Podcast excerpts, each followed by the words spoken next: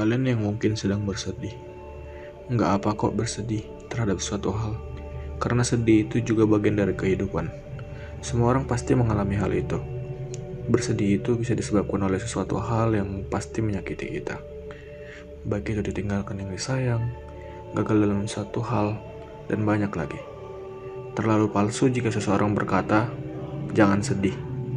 Jika kamu tidak pernah sedih, maka tidak ada yang berharga bagimu.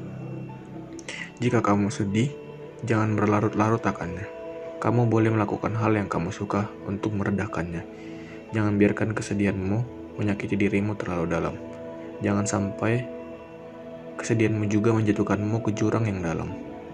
Karena di kehidupan ini, hal yang paling sedih ialah ketika kita berlarut dalam perih. Banyak orang yang sudah gagal akan itu. Banyak hal yang gak bisa kita cegah di dunia ini. Ketika itu terjadi, yang gak apa-apa menjadi sedih.